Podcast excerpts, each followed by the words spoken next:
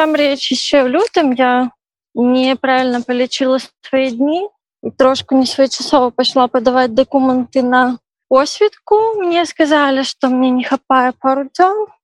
и сказали, что трэба працягнуть термин пребывания. Я працягнула термин пребывания и забрала свой пашпарт только 23 лютого уже с працягнутым термином до першего красавіка. Все мусила пайсці выдатна, потому что у меня была прямаючая организация, у меня было все добра, але пачалася вайна, мы зачыніліся. Яны не прымалі дакументы увогуле ні ў каго. У іх на сайце по-моему стаяла абвестка нават про тое, што чакайце паведамленняў новых. Потым з'явілася інфармацыя, што ДМС перавезла свае дакументы з Киева во Львоў і тады я пайшла спытала што рабіць яны сказалі што іх не працуюць реестры і таму зараз яны не прымаюць дакументы але гэта іх віна там адказнасці ніякай не будзе калі з'явіцца магчымасць прыходзьце падавацца канешне прымем потым у розных чатах з'яўлялася інфармацыя што людзям адмаўлялі людзі часто пісалі про тое што хадзілі кожны тыдзень што іх не атрымоўвалася падаць дакументы з чэрвеня спачатку чэрвеня з'явілася по-моему гэта была заява міграцыйнай службы про тое што прыём дакументаў адноўлены і тады як бы я вырашыла сабіраць дакументы каб падацца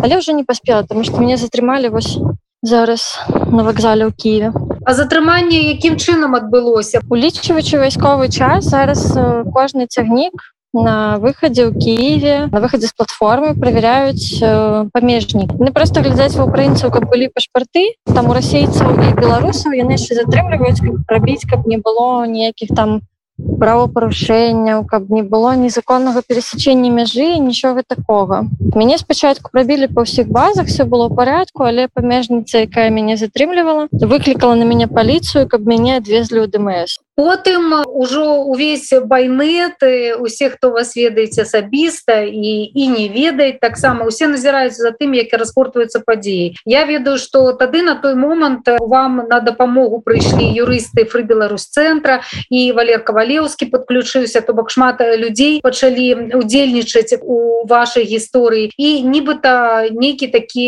спадзел з'явіўся. Як вось далей згортваліся падзеі? Увогуле по украінскім заканадаўстве чалавек які парушыў ну, таким чынам яму мусяць паставіць штамп ён мусіць выехаць ты ў яго абнуляецца тэрмін і звычайна людзі плаціўшы штрафы выехаўшы могуць без ніякіх там перашкод заехаць зваротна ва ўкраіну і тады ў іх зноўку ёсць вось гэты 180 дзён для таго каб падаць дакументы але зараз ездам выездам беларусаў складана таму я не ведала якім чынам мне прынцыпу абыдзецца гэты штамп аб выездзе і справа тым што парушэнне было зроблена не по маёй віне тому як бы прынцыпу і штраф даже калі так разбірацца ён не зусім абгрунтаваны тому что не працавала міграцыйная служба. Міграцыйная служба сама у сваіх сацыяльных сетках за 14 красавіка казала про тое что некай адказнасці за парушэнне тэрмінаў не будзе тому что не працавалі да ну, базы дадзеных іх тым не менш вам выпісалі штраф і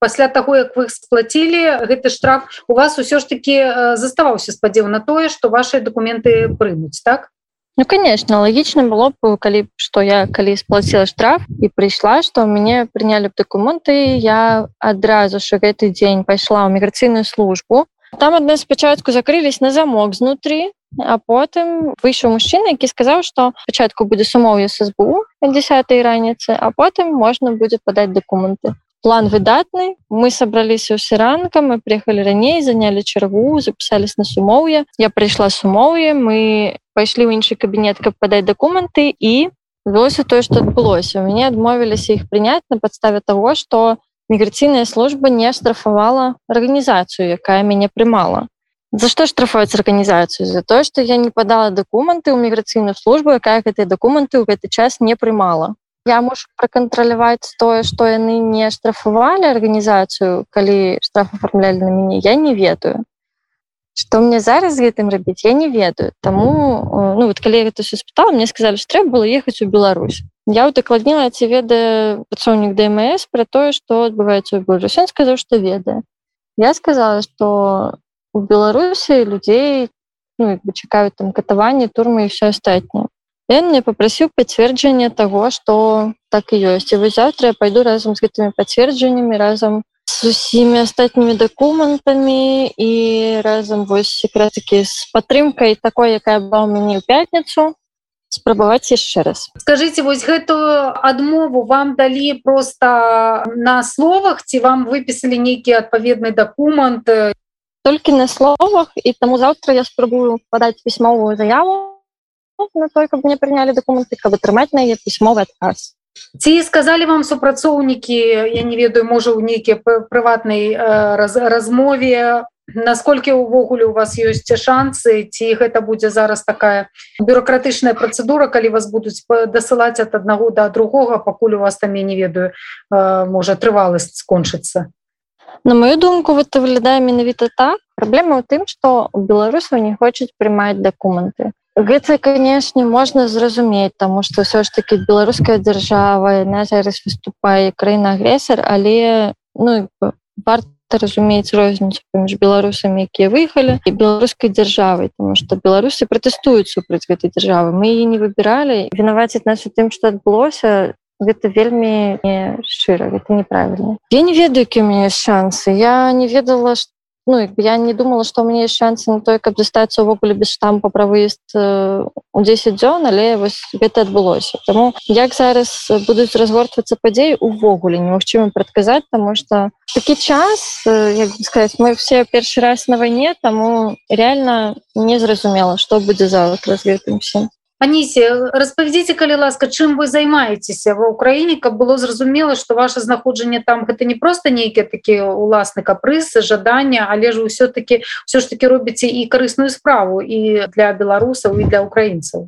па-першае я з'ехала в Украіну таму што мне было небяспечна працягваць знаходжанне у Беларусі і зараз я займаюсь тут тэмай палітычных вязняў беларусі падтрымкай палітычных вязняў беларусі проводжу вечары салідарнасці з імі притым што сярод палітвязняў беларусі ёсць таксама украінцы якімі Украіна зараз неяк не займаецца таксама я волонтеру для вайскоўцаў для беларускіх для добраахвотнікаў украінскіх добраахвотнікаў. Калі з'яўляюцца нейкія запыты то я спрабую неяк дапамагчы там з пошукам нейкіх рэчаў закупкай з перадачай і гэтак далей. Я дапамагаю беларусам забраць пашпарты з амбасады. На мяне оформляюць даверенасць я забіраю польскай амбасадзе беларускія пашпарты. Не раблю шмат але таких не вельмі крупных рэчаў. То бок там на разбор завалаў я яшчэ ні разу не ездзіла і вы зараз той да чаго імкнуся гэта дапамагаць украіне тому что я маю гэтым досвед я хочу абвучыцца і далучыцца да праваабаронцаў якія займаюцца фіксацыяй расійскіх злачынстваў военных на тэрыторыі Украіны Гэта быў аповед беларускай праваабаронцы Анісей Казлюк пра яе спробы працягнуць легальнае знаходжанне ва ўкраіне, дзе яна засталася пасля пачатку вайны, каб працягваць валантэрыць на карысць гэтыя краіны. Але ж, як і многія беларусы ва ўкраіне, Анісія сутыкнулася з нежаданнем украінскай міграцыйнай службы легалізоўваць беларусаў. Анісія зрабіла ўсё магчымае, каб законнымі метадамі працягнуць сваё легальнае знаходжанне, але ж пакуль перашкодаў на яе шляху больш, чым магчымасцяў. Анісія распавяла мае калі узялі не прыходзька пра чарговую адмову дзяржаўнай міграцыйнай службы прыняць у беларускі дакументы для легалізацыі